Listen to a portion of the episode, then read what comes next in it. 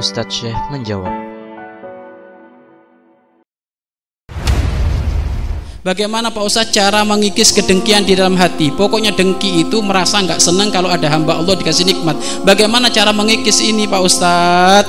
Cara mengikisnya Bapak Ibu biasakan menyebut kelebihan teman kita. Biar kita itu nggak mudah dengki, ya kan?